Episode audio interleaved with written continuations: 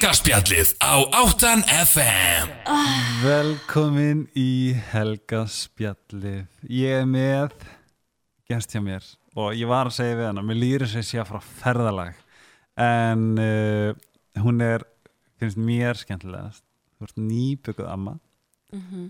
þú ert í hvað ertu? Er það ekki svolítið góð spurning?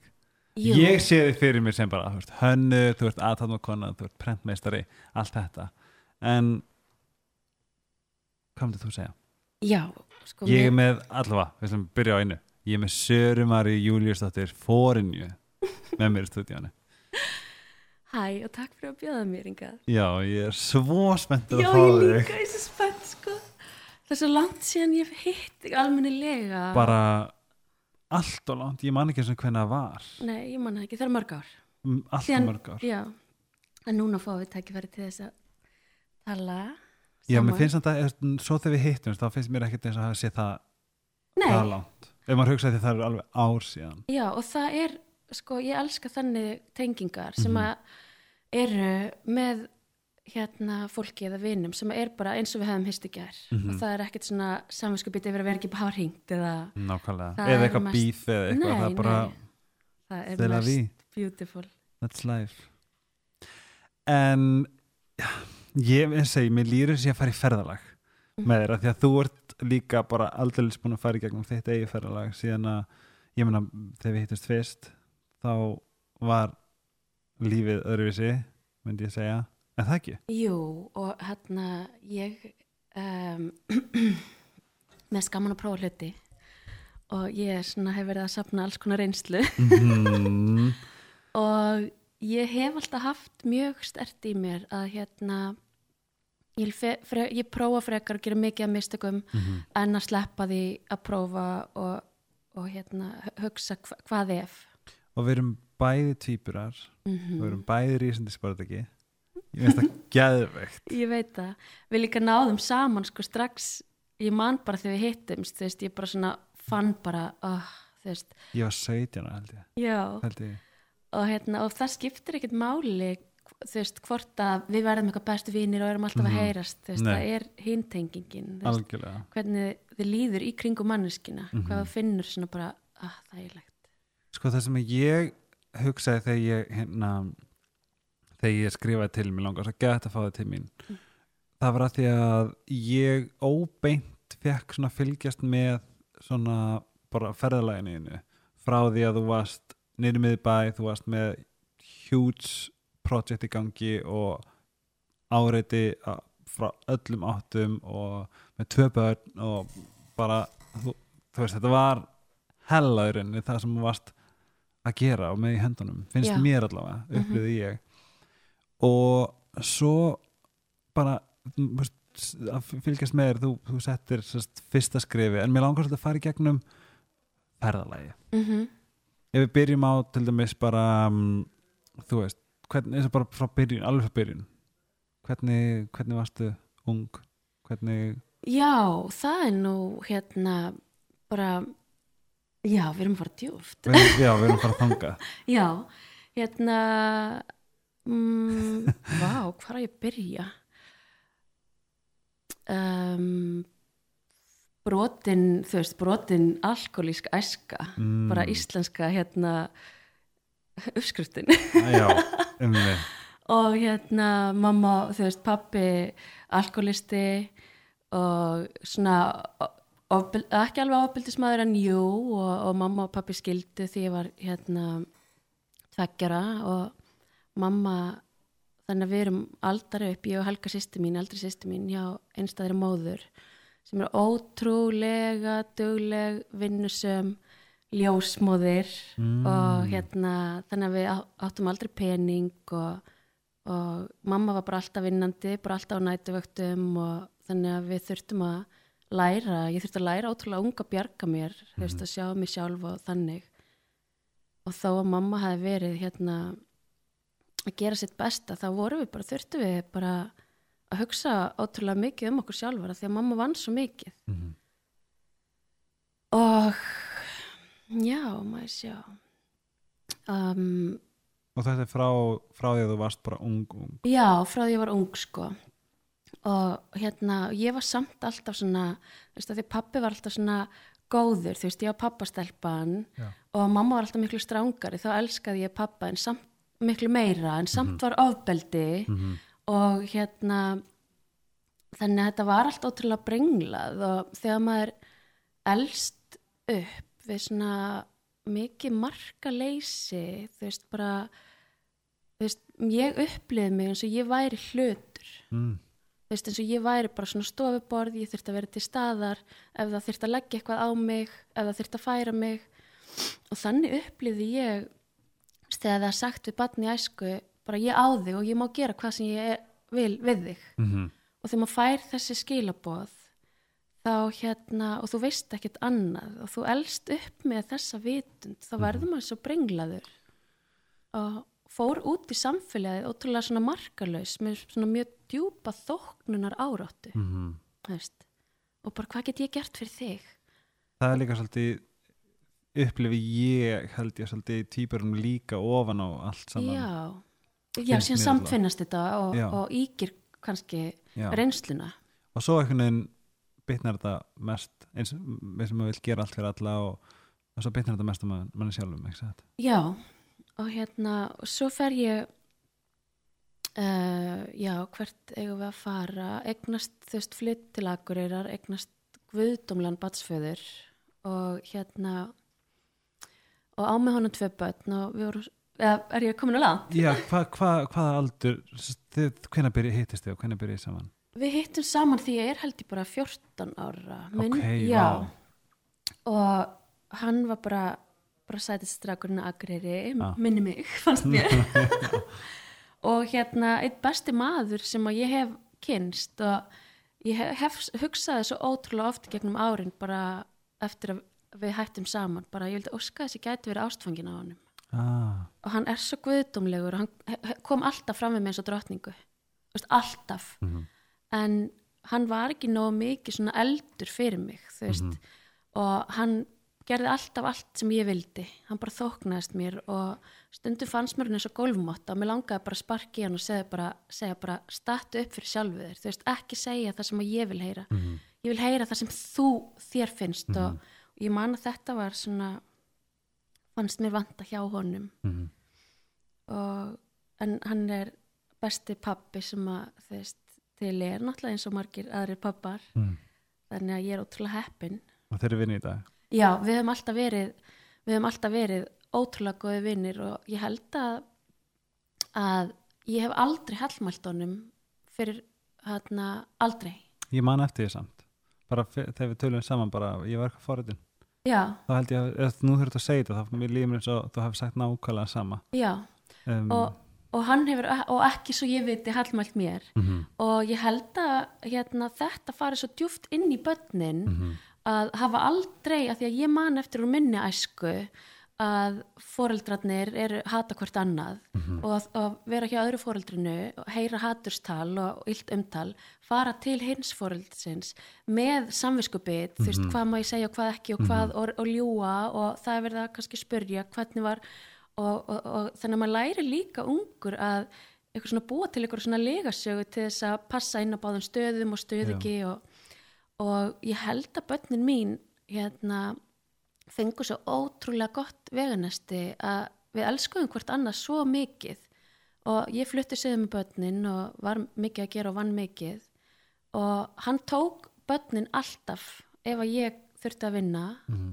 og það var aldrei þú veist, mín helgi eða þín helgi þú veist, við vorum bara í algjöru flæði og, og ég held að fólk noti ótrúlega mikið börnin á móti hvort öðru ómeðvitað Mhm. og ég man hann að ég var 17 ára því ég eignaðist Nathan, son minn og ég man að ég þú veist, ég man að ég var bara þú veist, ég á hann ekki. Þú veist, ég man að ég var svona bara ég er komin með þessa manneski til mín í svona mentorship. Ah, og ég man að hérna að ég upplýði svo stert í minni æsku að veist, þeim fannst þau eiga mig og meiga koma fram við mig eins og þau ættu mig sem eign. Mhm, og þannig að ég hef alltaf reynd að koma fram við börnum mín eins og ég sé bara kennari í skóla Mhm. og eigi ekkert meira tilkall til þeirra í rauninni en það að reyna að koma þeim sem best upp til manns Mhm. um, þannig að þau eru bæði ótrúlega sjálfstæð og, og En eh, segjum eins og bara hvernig þú veist, sem þú varst þá þú veist, vissuru að þú þurftir að taka þessa ákvörðun þú veist, ég ætla að veist, ekki láta þau finna fyrir bífi eða koma þetta náttúrulega til ykkar? Um, já, ég náttúrulega uh, svona eftir æskuna því ég var ung þá langaði mig að vera allt annað en fóreldra mínir. Mm og, en það er búið að breytast núna og núna langar mig að vera mm, finnst mér mamma mín guðdómlega og mér fannst það ekki þá. -hmm. en já, þetta kom mjög náttúrulega. Þetta kom ótrúlega náttúrulega og þú veist, mér fannst ég bara að vera komið með litla vini. Mhm. og og, uh, og þannig að þannig að þau fengu þau, þau skilabóð bara mjög náttúrulega þú veist, við værum bara saman að leika okkur í rauninni þú veist, þetta er ekki börn sem að ég á sem að ég þannig að ef að það er það sem þú varst að spyrja um, já um, Þegar þú sagt, flyttur í bæin mm. startar þá strax nægtaðabanum Uh, nei, ég starta honum ekki strax. Ég, hann, um, mamma sagði við mig á Akureyri því ég var yngri. Hún bara, þú, hérna, þú ert alltaf eftir að vera þekkt fyrir það sem hún gerir. Og, veist, ég man að ég var bara mjög ung, veist, ég var sjö, kannski, eða átta ára, eða, og hún bara, þú mynd verða þekkt fyrir það sem hún gerir sama hvað er. mm Og, og síðan límdi hún einhvern miða á ískapin sem sagði eitthvað svona, þú veist, the higher you reach, uh, you reach for the stars, the higher, eitthvað svona, og ég hef alltaf haft alveg svona ótrúlega há og stór markmið, -hmm. en ekki, þú veist, þó ég næði þeim ekki, þá er mér alveg sama, þannig að Mhm. það er ekki svona, og svo flytt ég, flytt ég um, söður og byrja bara að vinna sem þjótt, var að vinna sem þjótt á Akureyri Mhm. og en langaði að skapa, hef alltaf skapað bara frá því að ég man eftir mér Mhm. og hvernig má ég sjá Hvernig byrjaði? Þetta Ég, byrjaði- ég er mjög forrættin um það Já, þetta þetta byrjaði, var algjört fenómenon þegar þetta byrjaði þannig að ég lappaði inn í galleri á Tryggvagötu sem heit Mami Mó mm. stórt textilgalleri og hérna ótrúlega flink kona sem heitir Gulla sem var með það og hún var með flottistu púðana og teppin í bænum, allt úr silki og leðri og, og hérna flauili og ég lappaði þar inn og þegar ég kom þar inn þá kom bara svona ég, ég mun eignast þetta einn daginn og ég ætla, ég ætla að kaupa þetta. Og, og ég kom þarna oft og sótti um vinnu kom aftur og aftur og sótti um vinnu og aldrei heyrði ég neitt og, og ég bara, ég ætla að fá vinnu hérna. Og, og alltaf ætla hann að heyri í mér og ég heyrði ekki neitt. Og endanum þá sótti ég lokaverkefni mín og verkmyndaskólinum Akureyri, Bútasum og Silkimálun Mm. og fór með það niður eftir og skildi það eftir og hún var ekki við.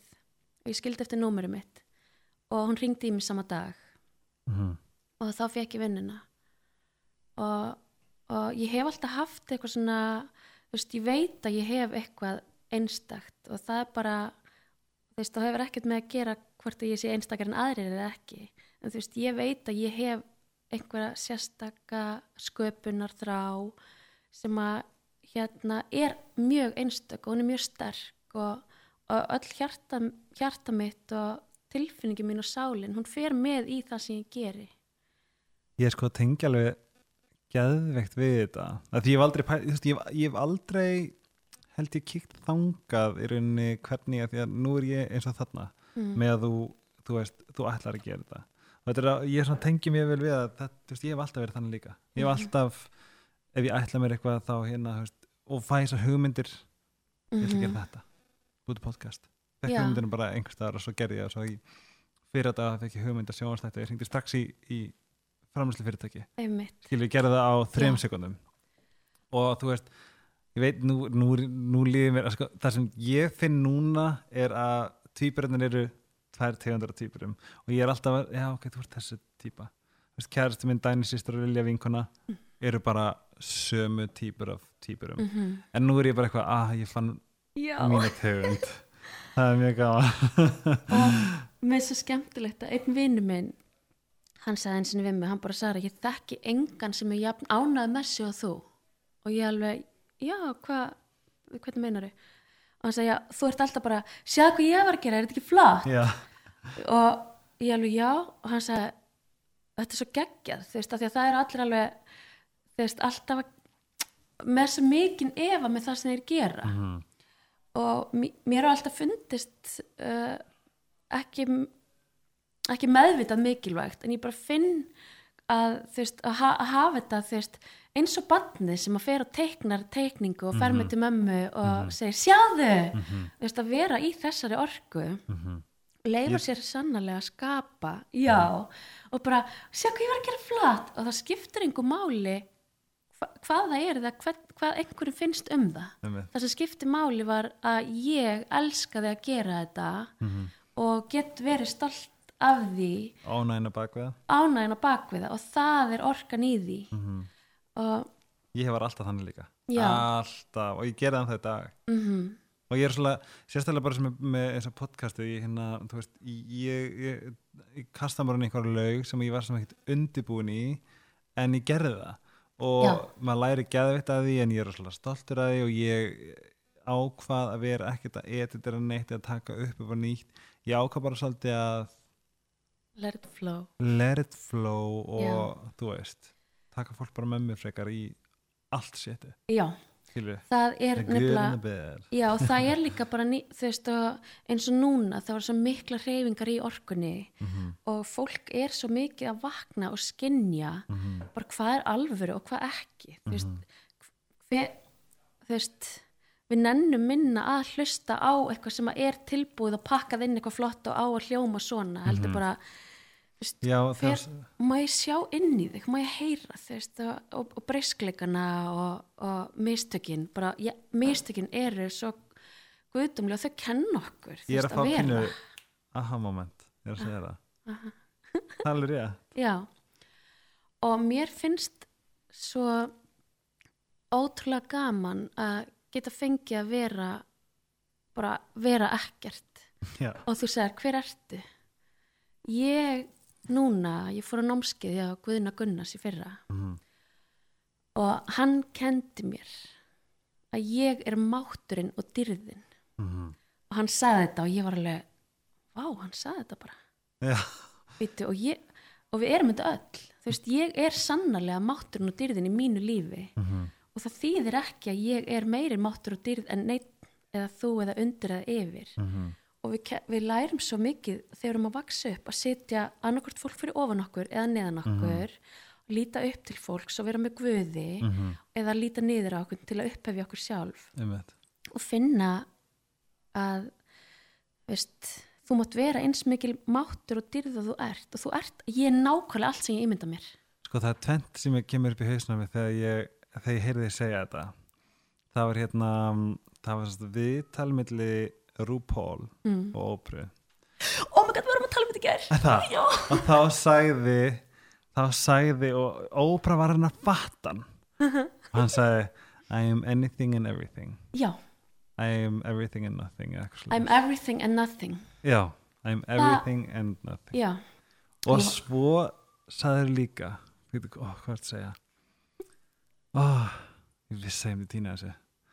En það var annað sem, sem kom kolluna með, það var hérna, já, það er hérna um, setning sem ég las, það minni mig, það er hérna, we are, we are spiritual beings having a human experience. já Mér það svolítið flott líka. já, og það sem að ég það er bara þannig og það sem að ég er búin að læra er að í rauninni sit ég hérna ein og allt sem er fyrir fram að mig er endurvarp af því sem er í gangin í haustum á mér Ok.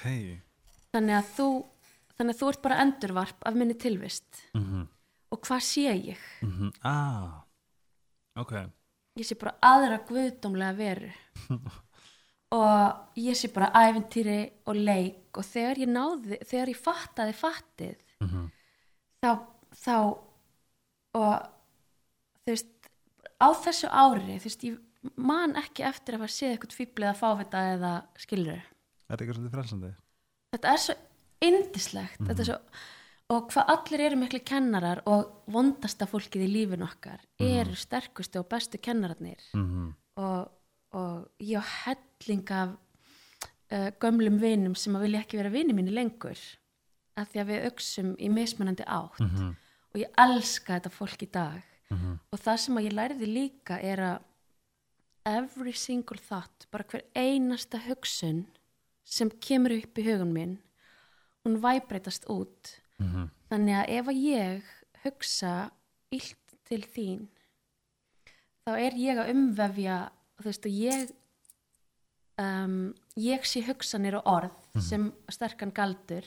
Og, og um, þegar maður talar orð þá, þá er það þegar maður talar orð þá er það svona eins og loðið svona grátt ullargat sem að vefst utan um sjálfan þig ef að það er neikvætt. Mhm.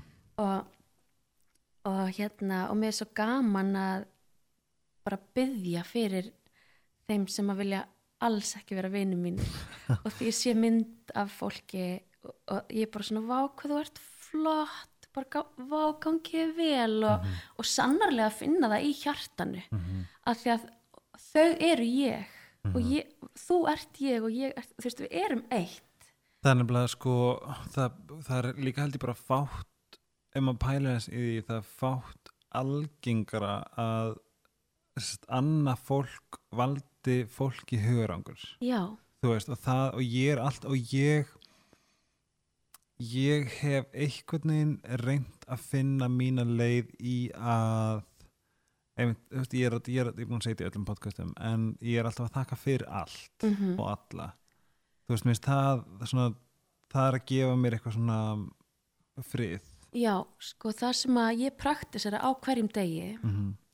og nú er ég það heppin að eiga ferðafélaga Águstu Kolbrunni vinkuna mína og við erum mjög samtaka í okkar hérna hugssjón og í lífsýn og við praktiserum á hverjum einasta modni að vakna, setjast niður og hugleiða og við erum ekki, þú veist, þetta er ekki eitthvað svona, ó, við erum jókar, setjast niður í lótus og erum ótrúlega alvarlegur og förum ykkur hug, hugleiðslu. Við bara setjast niður, búum til kakó sem opnar hjartað og hjartastöðina og förum í þakklætið á hverjum einasta degi, angur við okkur í þakklætið. Hvað er ég þakklætt fyrir í dag? Og þegar maður heldur, tappar inn á þakklætið, uh, þakklæti og nægisemi. Mhm. Hvað er nægisemi? Ef ég er nægisum, þarf ég aldrei neitt. Þá þarf ég ekki neitt. við vorum einmitt að tala um þetta ég og Svala ég veit ekki hvort að þátturinn sé undan á eftir en, en það var einmitt, þú veist, eftir að hún átti til dæmis bílsið Mm hvernig allt, hvað, hvað allt breyttist Já, og ég er alveg sammála, við rættum einmitt þetta næjusemi og í rauninni hvað vorum að tala um ferðalög vorum að tala um ferðalög mömmu og veist, hvað, veist, hvað er að fara að veita okkur ánæguna bak við ferðalagi er það veist, fólki sem að brosir eða er það svítan með einhversum leina hvað, er genu, hvað er í alvörin að fara að gefa þér ánægin út af ferðinni? Veist hvað við, algjörlega. Það var svona ég var að fundið um daginn þar sem að voru allir að kvarta í veðrinu. mm oh, sorry, nú máttu, þú máttu leksjura mig að því ég Já. er einn af þeim, ég er bara ég, mér er búin að finnast þetta sumar guðdómlegt. Guðdómlegt. segðu þið frá Af því að bara hvar er fókusinn þinn? Fókusinn minn er, ég fyrir sund okkur um einasta degi, ég elska að fara í vatnið og vatnið er sannarlega, íslenska vatnið er uh, bara geymir ótrúlega sterka st- sterka leyndardóma í rauninni vitund og að drekka vatn í vitund veist, því ég drekka þetta vasklas þá finn ég bara hvert er þetta vatn, hvert, hvert er þessi drópar búin að fara, hvar eru þeir búin að vera? Eru þeir búin að vera í skíjónum, upp á jökli? Og þetta geymir í sér vitund, allt er orka. Mhm. og vera í vatninu hreinsa bæði sál og líkama og um, já, sko það sem ég ætla að segja var í Mexiko núna fyrir á þessu ári um páskana. Og ég var í 20 og eitthvað tíma bílferð með, með 16 Mexikonum að keira upp í fjöllin. og því ég kom upp í fjöllin þá eru það er allar vass öðlindina þeirra uh, eitraðar þannig að það var hægt að kaupa nokkrar vassflöskur en síðan var bara hægt að kaupa bjór og kók Mhm. og ég kefti mér mikið vatn þarna fyrstu dagana þannig að ég átti vatn alla vikuna en ég þurfti að spara vatni mitt Mhm. og vera að, að, í, fá, í fátakasta umhverfi sem ég hef nokkuð tíma verið í þar sem að tíu manna fjölskyldur búa bara svona kassa, sofa á gólfinu og ef að það er ekki til matur þá drepa þau hundana og borða hunda og að þetta fólk sem á ekki einu sinni vatn það er þurrkur og hundarnir, hundarnir eru þessi síðustu sem fá mat Mhm. og hérna þetta fólk er tilbúin að gefa þér pláss og það er tilbúin að gefa þér mat og tilbúin að hýsa þig að ég hef aldrei eftir ég kom heim, ég hef aldrei setið jafn stert inn í þakklætinu að hver einasti vastrópi er guðdómlegur Mhm. og að vera hérna á Íslandi veist, það er svo vatnið okkar, loftið okkar, það er svo reynt, það er svo tært, við eigum svo mikið af því Mhm. við eigum svo mikið af öllu, við erum svo mikil forréttinda krút að við sjáum það ekki Hvað fekk þetta þess að fara til Mexiko?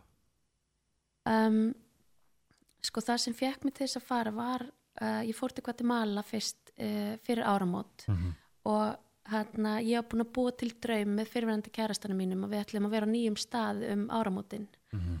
og síðan hættu við saman og ég ákvaða að svíkja ekki mig að því að veist, þetta var minn draumur sem ég fekk hann með mér í og Mhm. þannig að ég fór kifti mig miða og endaði í Guatemala og hitti þar þessa mexikoska töframenn og þetta er fólk sem að virkilega hlustar á jörðina og er í tengslum við sjálft sig tengslum við náttúruna. Og að, það er svo fyndi hvað við erum úr tengslum að þegar maður fer bara út í náttúruna og finnur fyrir vatninu og grasinu og veist það sjálfur og vast fyrir, fyrir Veistu? austan, já bara tengjast náttúrunni, maður er bara svona maður finnur bara, vá Mhm. og um, já, mér var búið að koma til Mexiko í galdraferð og hérna ég vissi ekki hvort ég myndi koma lífs, komast lífs af heim. Og ég var í þryggjadaga seremoníu þar sem að voru dýrafórnir í 15 klukkutíma. Ok, og ég vissi ekki af þessum dýrafórnum fyrir en ég var komin þangað Mhm. og ég var veist, ég var föst þarna og þetta var ekki gaman að vera þarna. Þetta var mjög erfitt en þetta var mjög djúft Mhm. og, og svona skilningurinn á lífinu og, hérna, og þakklæti sem ég fekk eftir þessa ferð er bara beyond þú veist, ég bara trú ekki og að vera þarna, ég var bara svona ok, ég hef séð allt Mhm. en þegar ég fattaði því ég fekk þessa hugsun, ég hef séð allt þá fattaði ég hvað ég hef ekki séð neitt veist, ef ég gætt séð allt þetta í einu afskektu fjallaþorpi í Mexiko Mhm. Hvað er meira þarna í heiminum Já, einmitt. veist, bara allir galdrarnir, allt fólkið Mhm. og þarna fannst mér bara svona fundi svona bragðið af bara svona the essence of bara the meaning of life Hvernig komstu heim? Þú Veist, hvernig, um, hvernig já, bara svona hvernig, hvernig var var að komast heim Já, og hvernig leiðir Já, heim? mér leið bara, ég var bara svona, þú veist, fyrst þarna úti, þá hugsaði ég hvort að ég myndi enda á geðdelt eftir ég kom heim. Alveg. Já, bara vera, þú veist, yfir nótt, vakandi í seremoníu, vakandi í næstu tvo sólarhinga og horfa á 80 dýr vera slátrað á seremonial hátt, þú veist, öll dýrin fengu helgar jurtir upp í munnin á sér og undir hófana og það var sungið og spilað fyrir hvert einasta dýr veist, það var kannski 20-30 manns að syngja og spila og heiðra dýrið en og, veist, þetta er ólýsanlegt Mhm. og hérna, ég var með svona hugmyndir áður en þetta byrjaði að frelsa dýrin en þá fekk ég hugmyndir um að mér er við slátrað og bara svona alls konar Já, já. skrítnar og en að koma heim þú veist þá allar þessar hugmyndir um þú veist vegan, þetta, hitt þú veist, hvernig hlutnir eiga að vera og hvað manni finnst, okkur finnst svo margt Mhm. og við vitum ekki neitt Mhm. þannig að það sem að kom svo stert í mig er að finnast ekki neitt um neitt Mhm. og það er svo mikið frelsi Að finnast ekki neitt um neitt. Já, og það hefur verið mín mantra á þessu ári að finnast ekki neitt um neitt Að finnast ekki neitt um neitt. bara já, þú veist, mér getur alveg fundist þú veist, þú skemmtilegur og eitthvað svona Já, já. en að finnast, þú veist, af hverju gerði þú þetta ekki svona eða af hverju, já, það er alveg bara, ég er alveg búin að sleppa tökum á sig og vinkunum mín var um daginn bara "Ah, mér erst bara hárið að henni eitthvað alltaf sítt og ég alveg, já finnst þér bara hún ætti að klippa á sér hárið fyrir þig eða Mhm. og hún bara, vá, takk Ég reyndar, já, ómeðvitað nú er ég, nú, ég áttur að skrifa þetta niður að finnast ekki neitt um neitt Mhm. og kannski lesa aðeins í þetta. En það sem þú varst að segja núna þetta er eitthvað sem ég hef alltaf ómeðvitað að praktisera. Mm að í rauninni að í rauninni, ég, mun, veist, ég lofaði sjálfur mér um, að aldrei eða orka eitthvað sem ég get ekki stjórna já, og sko allt er orka. Mm -hmm. Bara allt er orka og orka lígur ekki og það er svo gaman að stíga stert inn í að hérna trú, finn, þú veist, orkan orka sem þú finnur að standa með sjálfur sér. Þegar þú ert til dæmis í samskiptum einhver er skrítin í samskiptum eða eitthvað sem að, að standa með þér bara að vita orka lígur ekki og hérna fara eftir því. Og það gefur svo mikið sjálfsöryggi að þú veist eins og hérna hvað heitir hérna innsæð ég man að ég var bara, já innsæð byrju hvað er þetta? Veist, og það tók mig langan tíma bara hvað er innsæðið mitt? Bara hvernig, hvernig get ég hlusta á það? Hvernig heyri ég í því? Þú veist það eru þúsund röddir í allt í kring bara hver er ég, hvað hva finnst þér og hver og hvað og bara hvað af þessar röddir innsæð það er já, það er ekkert hægt að segja hvernig maður finnur það. Já, þú fyrir ekki fundið það ha, jú, jú Já, en ég get, þú veist ég bara sitja hu- hugleiða, Mhm. hugleiða hugleiða, þú veist í þögninni koma svörin Mhm. það, þú veist, svör mer, þú veist, flest svör eru í þögninni Mhm. og mest sagt er það sem er ósagt Mest sagt er það sem er ósagt Aha. að því að við erum svo begluð í tali. Þannig að oft það sem við erum að veist, segja með orðunum Mhm. er þú veist, að, fyrir mig allavega að hlusta ég meira á það sem er ósagt að því að orðin orðin okkar eru veist, eru svo, það er svona kemur frá mennskunni og frá Mo- Fyrst- Vana og já, hvað ég vil að þú gerir og, Mhm. og hvað getur þú gert fyrir mig. Þannig að ég hlusta núna betur á hvað er ósagt og um, Þegar þú þú, þú, þú ef við fyrir aðeins tilbaka og þegar ég er svolítið forvitin að heyra um sérst, hvernig þú í rauninni komst á hana stað sem vart í dag. Já, ég, ég kynnist þér 17 ára Naked Ape. Mhm. mér fannst þú bara ge- geggjuð. Og var alltaf að að sniglast um í stofinniðinni og satt bara og fylgdist með og þú leiði mér alltaf að vera þarna. Mhm. skipti engum máli hvað ég var að gera. Þó ég var bara að vera frekar pyrrandi og svo vildi ég vinna frítt. Ég var ógslag spenntur að vinna. Bara, ég, nei, ég, ég, skal, ég skal vinna. Nei, ég, þú veist, þú veist, þú gast alveg séð hérna á greiðanum bólunni. Ég vildi bara gera það. Mhm. og mér finnst þetta gaman að hugsa tilbaka þú veist, að Já. ég manum alltaf eftir þessu núna. En núna þegar ég er að horfa á þig þá er einhvern veginn bara, já, vá, þetta var ég var þar, þetta mér Já. fannst það geðveikt Mhm. um, ég man eftir því að þú fórst í samband Mhm. um, og, og, og veist, ef ég man rétt þú varst ekkert í einhverju brjálaslu tengu við sjálfa á þessum tíma nei, alls ekki og hvernig og, og ég, kendi þetta samband þér mikið. Já, ertu ekki að meina með hérna flúraranum jú, bandaríska? Jú. já, uh, já þarna ég var alls ekki í tengslu við sjálfa mig. Mhm.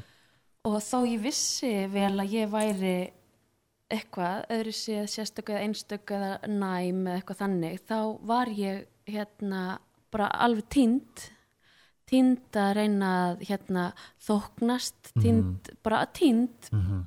Og hérna þetta samband var mjög ofbeldisfullt og, og hérna hann í neyslu. Mhm. og, og þetta já, má ég sjá.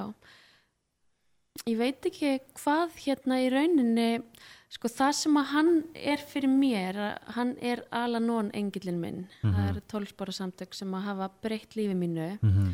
Og hann kom mér þangað inn en ég fór þangað inn til þess að vera betri fyrir hann. Af því að á þeim tíma þá ætlaði ég að vera betri fyrir hann af því ég var svo gölluð og, og, og en síðan lærði ég að sjá hérna bara hvað ég var brotin í að reyna að vera eitthvað Mhm. fyrir öðrum sem að ég gat auðvitað aldrei staðist. Mhm. og þannig að en við, það er bara þannig að- áföll hjálpa okkur að vakna. Það er bara, já, Já. algjörlega. Og á eftir hann þá fór ég bara sjálfsvinnu og, og óks og, og þess hérna vegna í rauninni rótin af þinni svona sjálfsvitund er Alalon var það fyrsta, Já. í rauninni fyrsta skrifi sem þú tekur til þess að að breyta lífið mínu. Já, og það breytti lífið mínu algjörlega. Og hérna uh, síðan tók ég svona næsta, næsta kennara, annan svona svipaðan kærasta sem að þú veist, mér langaði að breyta og, og, og laga. breyta og laga og bjarga af Mhm. því að hann var líka fíkill og í neyslu og, og óheðalegur og svona. Var það Barcelona? nei, nei, það var, nei, nei, það var fyrir það. Já, og hérna og það endaði, krassaði og síðan lendi ég í líkamsárás en núna þú veist þá bað ég kallaði ég til minn þess að líkamsárás og hérna að því að ég trúi því að við köllum til okkar allt sem okkur finnst við eiga skilið og allt sem við þurfum. Og ég þurfti þessa vakningu. Mhm. og það er svo magnað að Já, þið lendu tvö, er ekki rétt með, þið lendu tvö líkasaras nýri bæ. Já, já. Og það sem ég langar að segja er að bæði hann hérna bandaríski og síðan næsti kærasti sem að voru báðir veist, þeir voru vondakallanir, fíklarnir uh, óheðalegir og allt þetta. Sögðu báðir við mig, þeir hittust aldrei þekktust ekki. Þeir sögðu báðir við mig í lok sambands, sambandsins Sara, það er ekki hægt að elska þig að þú elskar þig ekki sjálf. Og ég man þetta var sagt við mig fyrst þetta var svo niðurlægandi að heyra þetta. Þetta var svo veist, niðurlægandi ógesla niðurlægandi Mhm. ég bara séturinn og hann sagði þetta við mig og ég hugsa alltaf um þetta. Ég bara byttu þú veist að því að ég tala ekki niður til sjálfsmins þannig ég var ekki alveg að skilja. Þú veist bara byttu, elska ekki sjálfa mig? Síðan gerist þetta í setna skiptið. Hann sagði við mig það er ekki hægt að elska það þú elskar ekki sjálf. Síðan, síðan kom- líkarsára sinn helgina eftir slitin. Og eftir líkarsára sinna þá og ég þurfti að við fluttum þannig að fjölskylda mín ruslaði mér bara brotinni í nýja íbúð ég var í þessari nýja íbúð í viku ég tampistæði mig ekki ég vaskaði ekki upp veist, ég var bara og grét og ég var bara hver, veist, hver ertu Mhm. og hvernig, veist, ef ég elska sjálfa mig ekki, hvernig fer ég að því Mhm. og hvernig, þetta var svo mikil vakning og vond að aðri skildu sjá að ég elska ekki sjálfa mig og segja bara ég get ekki elska þig Mhm. Og ég bara hvernig? Og þarna byrjaði me- mesta hreinsun. Þarna fór ég aftur í stift program og ég tók út sigur, kveiti, áfengi og fréttamiðla, bara svona meðvitað þessa fjóra hluti algjörlega út í liðu minu En var enginn sem að var að öxlinaður að pota Sara, gerði þetta? Eða Nei. þú- gerði þetta sjálf, Já, kom bara frá sjálfur Já, og þetta sömar var einmannalegasta sömar lífsmins, ég var ein allt sömarið en magnaðasta sömarið Hvaða sem var þetta? sömarið eftir líkamsárasuna 2000 og 2015 ætlaði ekki verið þá sem ég f- að 15, já 15 sennilega Mhm. 2015 en þarna á hverjum degi þá hugsaði ég hvernig kemur maður fram við manneski sem maður elskar sannlega Mhm. þannig að ég og bara draga alltaf frá glukkatjöldin hleypa ljósi inn í lífið Mhm. búa um, gefa mér að borða og bara svona grunn þarfir sem ég hafði þú veist alltaf bara vannrægt eins og að gefa mér að borða ég bara nei þú ert svo sterk þú bara já, þú veist ég sá alltaf sjálfa mig sem svona bara játnkall Mhm. bara ég get tekið allt, ég þarf ekki neitt hvernig er hægt að nýta mig sem best Mhm. og neða, þannig að hérna að koma sannlega í gjörðum fram við sjálfa mig eins og manneskina sem ég myndi elska mest Mhm.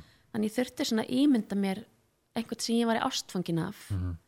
og þannig þurfti ég að læra að koma fram þannig við mig þetta er nefnilega eitthvað sem að ég er ekki að djóka, ég er að fá ég, þú veist, ég veit ekki hvort að þú sér það mér ég er bara eitthvað svona, ég er að læra ógeðslega mikið og þú, þú veist, það er gott að heyra eitthvað upp á sem er að setur eigin svona upplifun í perspektíf mm -hmm. af því að ég var það sem er að gerast þegar mér núna er, er að hérna ég, var allt, ég, ég á til að kenna öðru um kenna öðrum um, þú veist, eigin verði og hamingja hérna. Sem að sem að hérna, ég ger ekki þetta ómeðvitað en ég er samt meðvitað um það. Mhm. en ég er alltaf bara eitthvað, þú veist, það kemur. Og ég var búin að lofa sjálfur mér því ég finn það mjög stert að ég tölvört óörugari í köpen en ég er á Íslandi. Mhm. almennt, bara að öllu leiti og ég er búin að lofa mér núna þegar ég fer aftur köpen og, og að flytja að þetta er eitthvað sem ég ætla að tilhenga mér eins vel og ég get Mhm. og að segja hluti eins og veist, bara í, Dam, í Danmörku hef ég alltaf og veist, ég er alltaf síðri en allir og ég veit Já. ekki hvað það kemur eða af hverju en mér er alltaf liðan í köpen Mm. um, en ég lofaði mér þetta skiptið að ég er að flytja aftur út það er að gera þetta sem þú sagðir. Mhm. það er að koma fram með mig eins og, eins og ég meina hvernig ég kem fram með fólk sem ég elska. Ég er, er geðveikt kærleiksikur, ég er, gef ógeðslega mikið og mér finnst það ekkert mál. Einmitt. það er bara einhvern veginn náttúra mín. Og ég er að segja það að ég ætla ég, og, finnst, og ég er feimin við að segja þetta upphátt en ég ætla að bara vakna og segja djöðlert sætur og Mhm. djöðlertu frábær. Djöðlertu fín og djöðlertu svona djöðlertu með gott hjarta og eitthvað svona, þetta er eitthvað sem ég hef aldrei sagt við mig, ég er bara býð eftir að aðrir segja þetta við mig og þá ó takk. Og ég, oft veiði þú fólki þú Einmitt, veist bara, já. en ég minna hvað eins og Mhm. bara við tölum á hann. En að þú veist eitthvað svona, gera gjöf og þá þú veist, vil ég fá eitthvað. Já, en þú einmitt ég er svona meira alltaf í staðin fyrir að þú veist, ég gæti allan, allan tíman hefði ég getað sagt það sjálf á mig. Já, en þetta er einmitt að ég er svo fegin að heyra að segja þetta af því að ég ætla að hlusta á þetta podcast aftur, aftur, aftur Mm.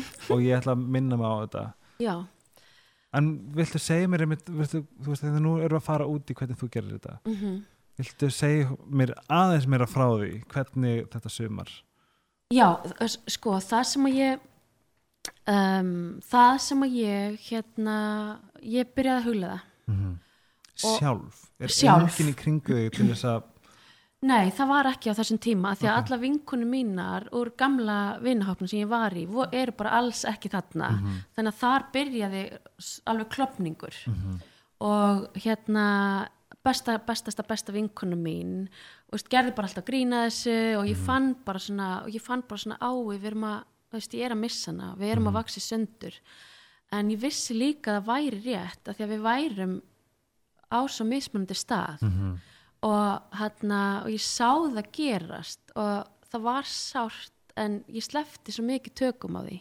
Og ég fattaði svo mikið þú veist bara sleppa tökum á öllu og lefði allar þessi hreinsun að koma þú veist welcoming þú veist og, og hérna og þar sem að ég fattaði líka var að eins og til dæmis ég get ekki tampusta mig á mánudegi og haldið að það dugi út vikuna. Ég þarf að tampusta mig tvisvar á dag. Ef, að- eða, þú veist, það er svona venjan hjá fólki. Ég er alveg þannig upp. Og, og ef að þú vilt halda einhverju við þú veist það getur ekki bara hugleitt einu sinni og heldur það hérna haldi út vikuna. Og þú veist, ég tengi mig á hverju mótni og, og, og, og tengi mig inn í gleði og þakklæti og næsimi ver, og þá verður hver dagur gleði, þakklæti og næsimi eins og bara tampastum á hverju mótni þá er hver dagur hreinar tennur ekki, þú, þú veist, ef maður gleymir þá er maður svona setni bort dagsins eitthvað svona uh, tennurnar mér er laðunar, uh, hvað er pyrrandi og þarna lærði ég að bara practice what you preach í rauninni að hérna bara eins og fara í rektina þú veist, það er hérna, stundum er erfitt að fara í rektina og vond að fá strengi en strengirnir og vond í hjartað vond í hjartað er mest í vöxturinn og það var svo gott því ég fattaði bara ái, ái hjarta mitt er að brotna að oh my god, ég finn það samt að ég er að vaksa mm, og þetta er bara nákvæmlega þegar manni líður fær svona vandi hjartað að hugsa bara er alveg eins og því ég er með ógislega vonda strengi eftir góða æfingu. Mhm. bara En vöðvarnir eru að taka við sér. Já, þeir eru að, eru að brotna til þess að stækka. Til að stækka og vaksa mm og, og, og, og það er alltaf best þegar hjarta brotnar -hmm. að því þá opnast það og þá myndast rými og sprungur fyrir meira ljós inn í hjartað. Og þá vex hjartað okkar. Og meira ljós og það er sannarlega þannig við Mhm. þurfum bara að fatta það og muna það og þá er bærilega að gangi gegnum sársöka og já þetta sumar var þannig ég var bara ótrúlega dugleg, ég hreinsaði svo rosalega mikið til og ég hreinsaði út fréttamiðla og ég hef ekki farið inn á uh, fréttamiðla síðan Hvað hjælti við efni? sársökin, Mhm. sársökin bara hver er ég Mhm. þú veist og bara sársökin að bara og ég fæ núna alveg bara svona næstu kökk í hálsin ég fæ bara svona sársökin bara það er ekki hægt að elska þig að þú elskar þig ekki sjálf. Og ég var bara never again. Veist, ég verð að læra að elska sjálf mig, hvernig ger ég það? Bara getur einhver sagt mér það, nei, það gat enginn sagt mér það. Mhm. ég þurfti bara á hverjum degi bara, hvernig, el, hvernig get ég elska sjálf mig ef ég gera það ekki? Mhm. Mér finnst bara magna að, að þú hafir, ég hef alltaf verið að þeim svona já bara með það hugmynd að sérstaklega bara eins og ég kannski er í kannski svona náttúru að- ég hef alltaf haft það hugmynd að við stjórnustan vana og Mhm. brjótustu vana er ógslag erfitt, þetta er ógslag mikið verkefni hver, hvern einasta vana sem þú tekur fyrir hendur mm -hmm. þess að ég hef alltaf verið að því að þú þarft eitthvað til þess að halda við efnið en mér svolítið magna að þú þér hafa tekist það ein, já, en, sérstaklega ert tvíburi. Já, við fáum hugmynd og já, þetta er aðeins og bara gleymum við daginn eftir. Já. Um, nei, þetta sumar var ég bara ein. Mhm, þetta var eins og ég hef sagt einmannalegasta sumarlífs míns mhm, en ég naut þess í einsemdinni. Mhm, og hérna og ekki það að ég hafði uh, auðvitað fundina sem ég fór á og samfélag, vist samfélag. Mhm. en ég var ein þetta sumar bara alveg rosalega mikið.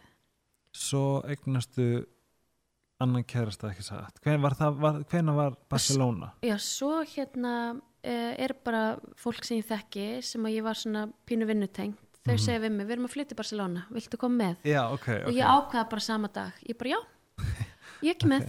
Og ég seldi allt sem ég átti eða reyndi að selja allt sem ég átti. Mhm, og fór til Barcelona að því að bæði náttúrulega eftir þessa líkamsáras þá hérna, var það tengt sko gamla vinahópnum mínum og það var bara mikill klopningur þar þess að líka sárastin var bein, beint að ykkur nei, þetta var alveg random, rand, þetta var alveg random Mhm. og hérna og hvað líka, gerðist? það gerðist þannig að stelpa sem að hérna var svona að vinna eða svona þekktumst hún var búin að bjóða mér í eitthvað svona smakk hjá hérna, tengdapappi hennar var með veitikastað og þannig að við fórum þangað og þau voru að fara út að skemmta sér og stóðu fyrir utan, veit, nei, utan stað sem þau voru að fara inn á. Og ég var að fara að halda prentnámskeið morgunin en við stóðum fyrir utan staðinn.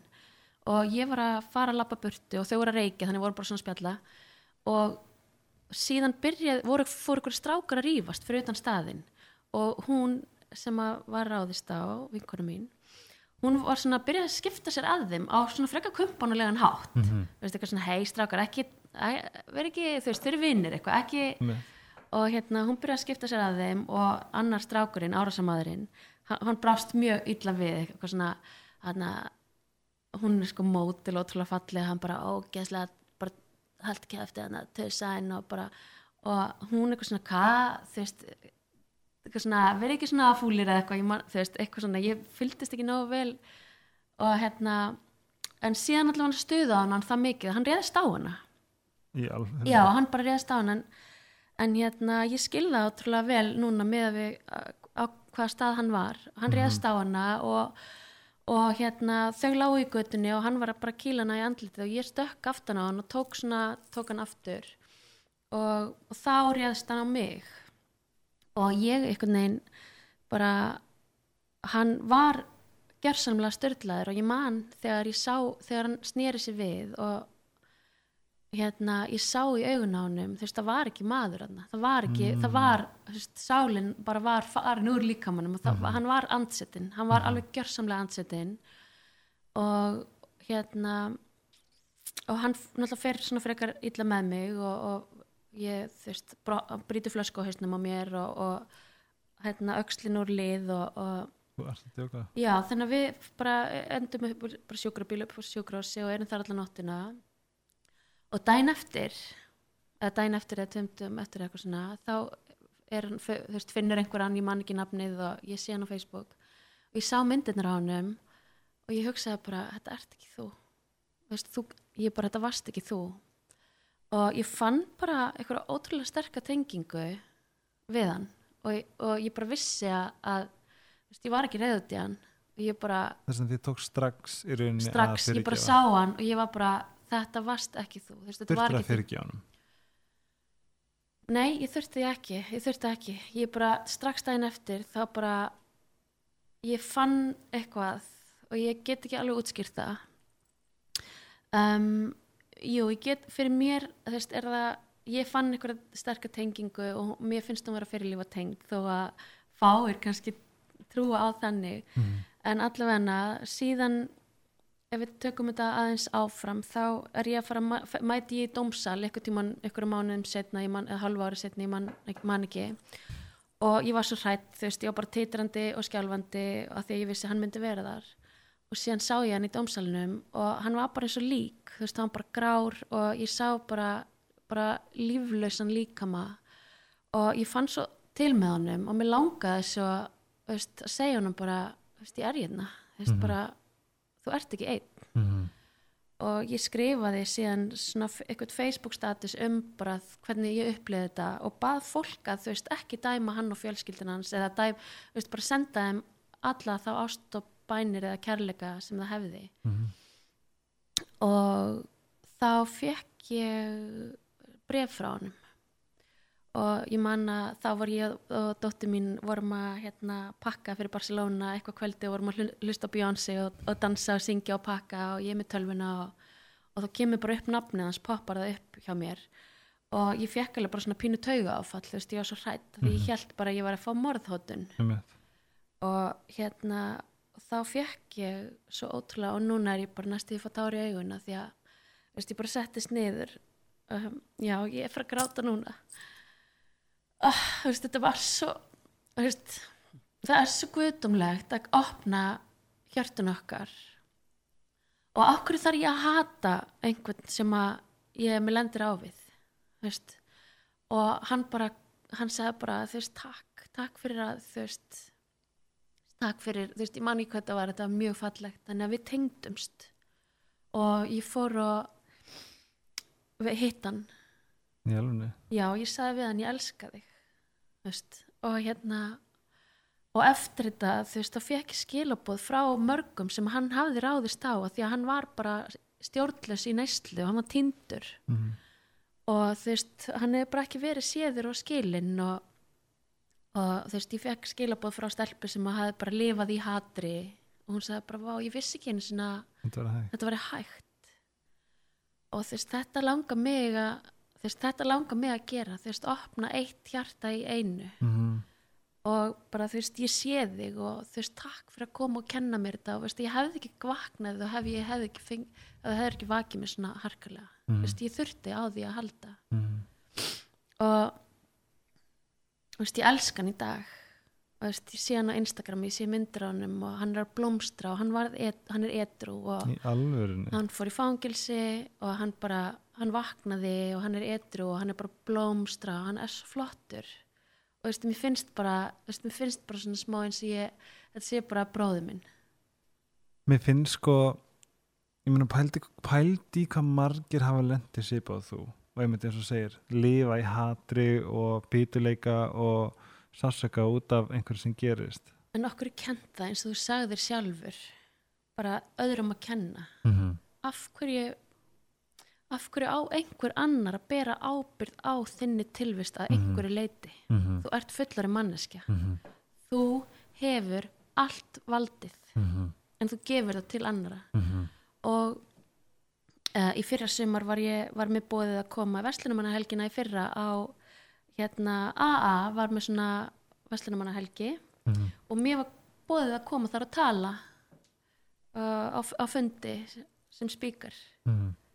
og fyrsta manneskjan sem að ég lappa í flasið á var hann og þú veist, ef ég hefði ekki verið búin að fyrirgefa honum Mhm. þá hefði ég bara verið í köku þú veist, ég hefði ekki getað talað Mhm. þú veist, og, og ég bara faðma hann og við knúsiðumst, bara gaman að sjá þig þú veist, takk Vá. fyrir það sem þú kent mér þegar ef ég myndi hugsa tilbaka þá hefði mér aldrei gruna að þetta hefði leiða baki skilu, ef ég hefði hugsað þú veist, ég var meira að líka sér þegar ég var að hugsa ok, ég myndi ef við ætlum að vera með einhverja punta sem ég, ég reyndar er ekki með ég ákvaða að ég myndi ekki að inn að punta mm. um, það hefði ég örgulega híka við að spyrja þig. Mm af því að kannski er þetta eitthvað að bjaga þig. Skilur, kannski er þetta eitthvað sem maður skilur eftir en mér mér finnst upplifun út af fyrir að hlusta á þetta. Já, og þú mátt spurja mig um allt. Mm -hmm. að því að mín ætlun er að vera alveg hrein að bera ekkert með mér Mhm. nema gleðina sem að ég ætla að vera í í dag það er eitt sem að ég vissi að þú gætir miðla áfram sem að eflaust margir geta tengt við en þú, það var atvik sem gerist í Barcelona.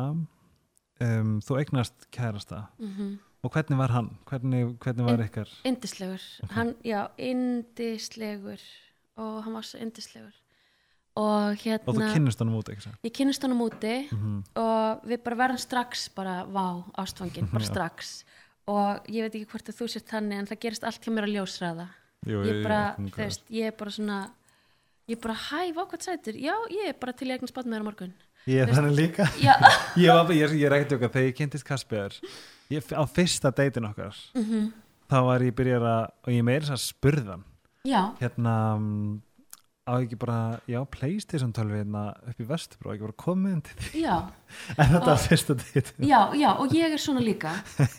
Og hérna og við, ég varð ólétt með fljótt. Já, bara, við varum búin saman í tvo mánuði kannski eða eitthvað og við vorum bæði bara, vá, við vorum bæði bara, oh my god, svo tilbúin. Mhm.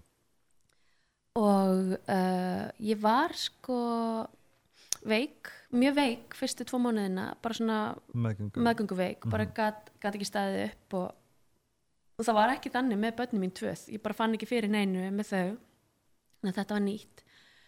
Þannig að þegar ég steig svona upp úr veikindunum þá var ég hérna bara á fullu, bara á fullu bara vann og vann og vann og vann og vann og veist, upp á fymtu hæð veist, bara lappa upp og niður, lappa um allar Barcelona og, og hérna og það sem að gerðist var að hérna, eftir ég átti dóttu mína þá var eftir fylgibiti hjá mér þannig að ég fór í hérna útskaf. Mhm.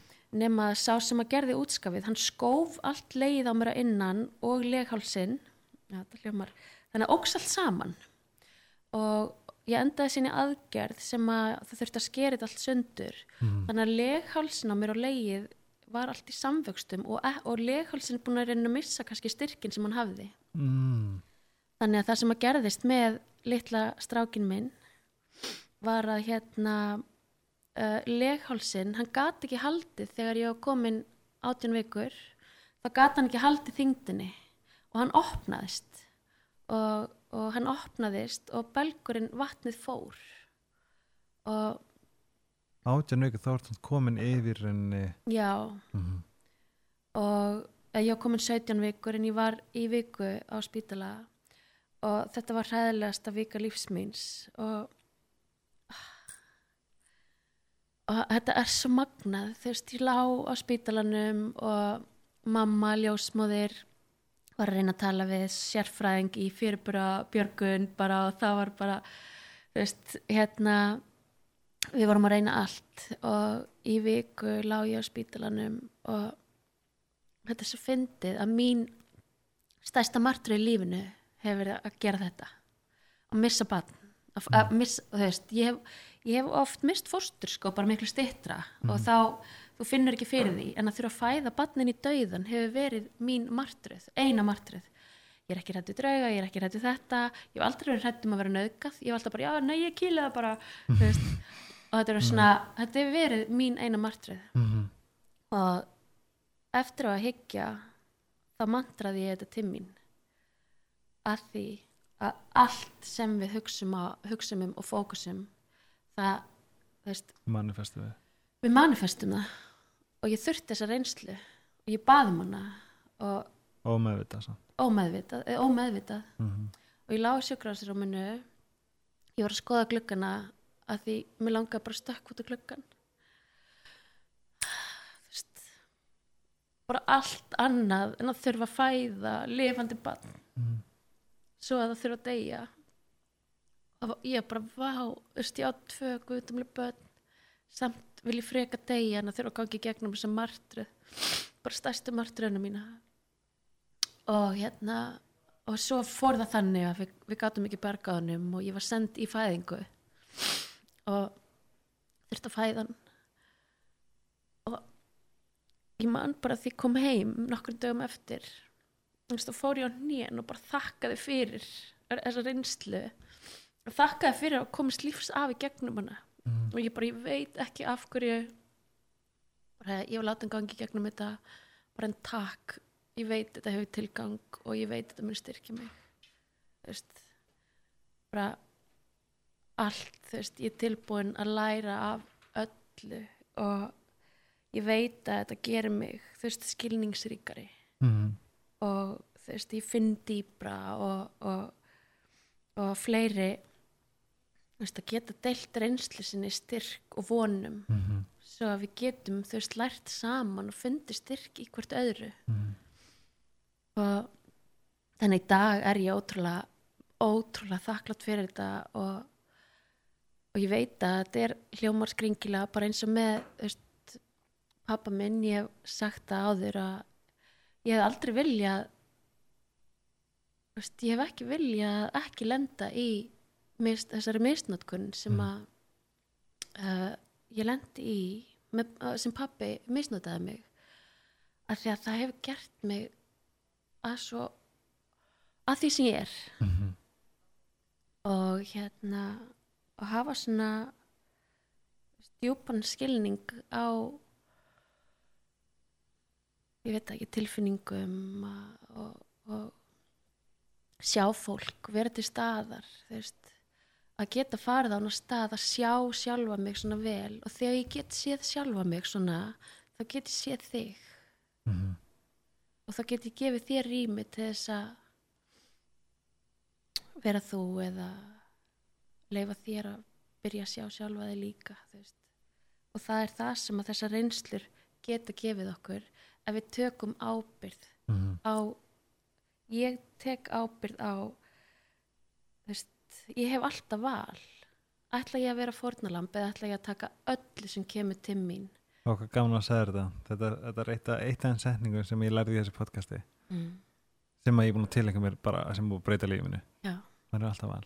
Já, og ég veit að ég hef haft þessa þörfið að þrá til þess að læra svona mikið og fá svona stóra reynslur af því að ég er sterk. Og ég, ég vil deila og ég er tilbúin að vera séð og heyrð. Mhm. og, og þess vegna hef ég fengið svona mikið af svona flottum og stórum kennurum til mín. Mhm. og ég er ótrúlega þakklátt fyrir það.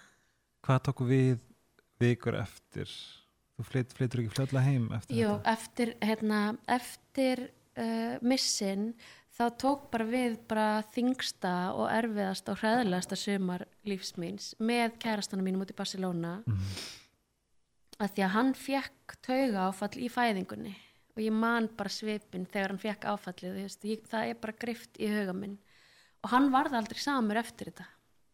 Hann hérna hann bara blokkaraðist alveg og hann til dæmis hætti eiginlega að geta stunda kynlíf af því að hann var svo hrættur um að þetta myndi gerast aftur. Þannig að þetta fór alveg svona það djúft brendur. Já, og, og svo bara fóru, var bara mjög svona dramatísk, dramatísk sumar að fara á, á jarðafarastofun og velja kistu og þú veist, og ég var bara, þú veist, ég var í mólum allan tíman, ég bara grét á leðinu þangað, ég grét þar þú veist og, og hérna ég bara grét ég bara grét allt sömarið, ég var bara grátandi allt sömarið samt náttúrulega blendnar tilfinningar af veist, þessari sorg og vitandi það að þetta væri reynsla sem að ég hefði. Já.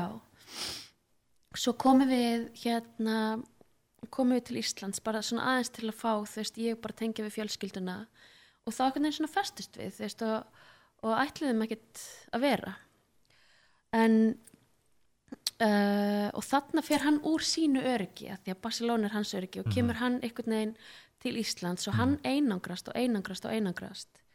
Og, og fer sekkur í svona mikla tölvuleikja bara kannski ekki get ég sagt tölvuleikja fíkn en hann, bara, þar, hann fer bara inn í þann heim. Mhm. og þar breykar bilið á milli okkar. Og, og hann segir mér, hættir með mér bara svona bara, í, bara hinga og þangað út af einhverju bara þú veist að þegar ég lokaði hörðinu og fast eða eitthvað svona. Og síðan ákvaði ég bara að ef hann myndi hætta með mér aftur þú veist þá gæti ég ekki meira. Og, og síðan gerði hann að þá bara brotnaði hjarta mitt og, og ég ákvaði að þú veist fara og hérna bara vinna vinna í þessu. Mhm. og bara fór ég ótrúlega mikla vinnu þú veist ég fór, fór að byrjaði að æfa. Já.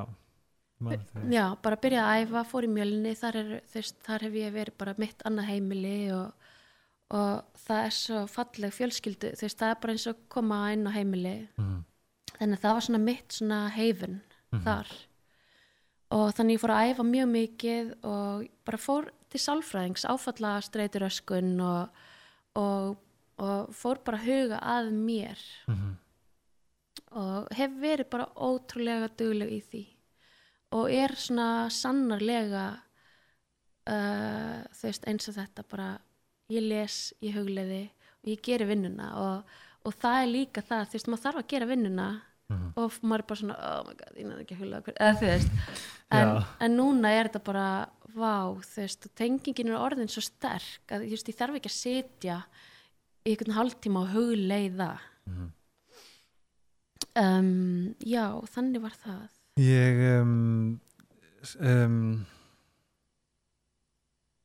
Ég allavega sko ég finn það að uh, nei, ég veist að ég er pínu orðlaus. Ég er, svo, ég er að taka svo mikið eitthvað inn ég er alveg bara, ég er að einhvern veginn að melta allt.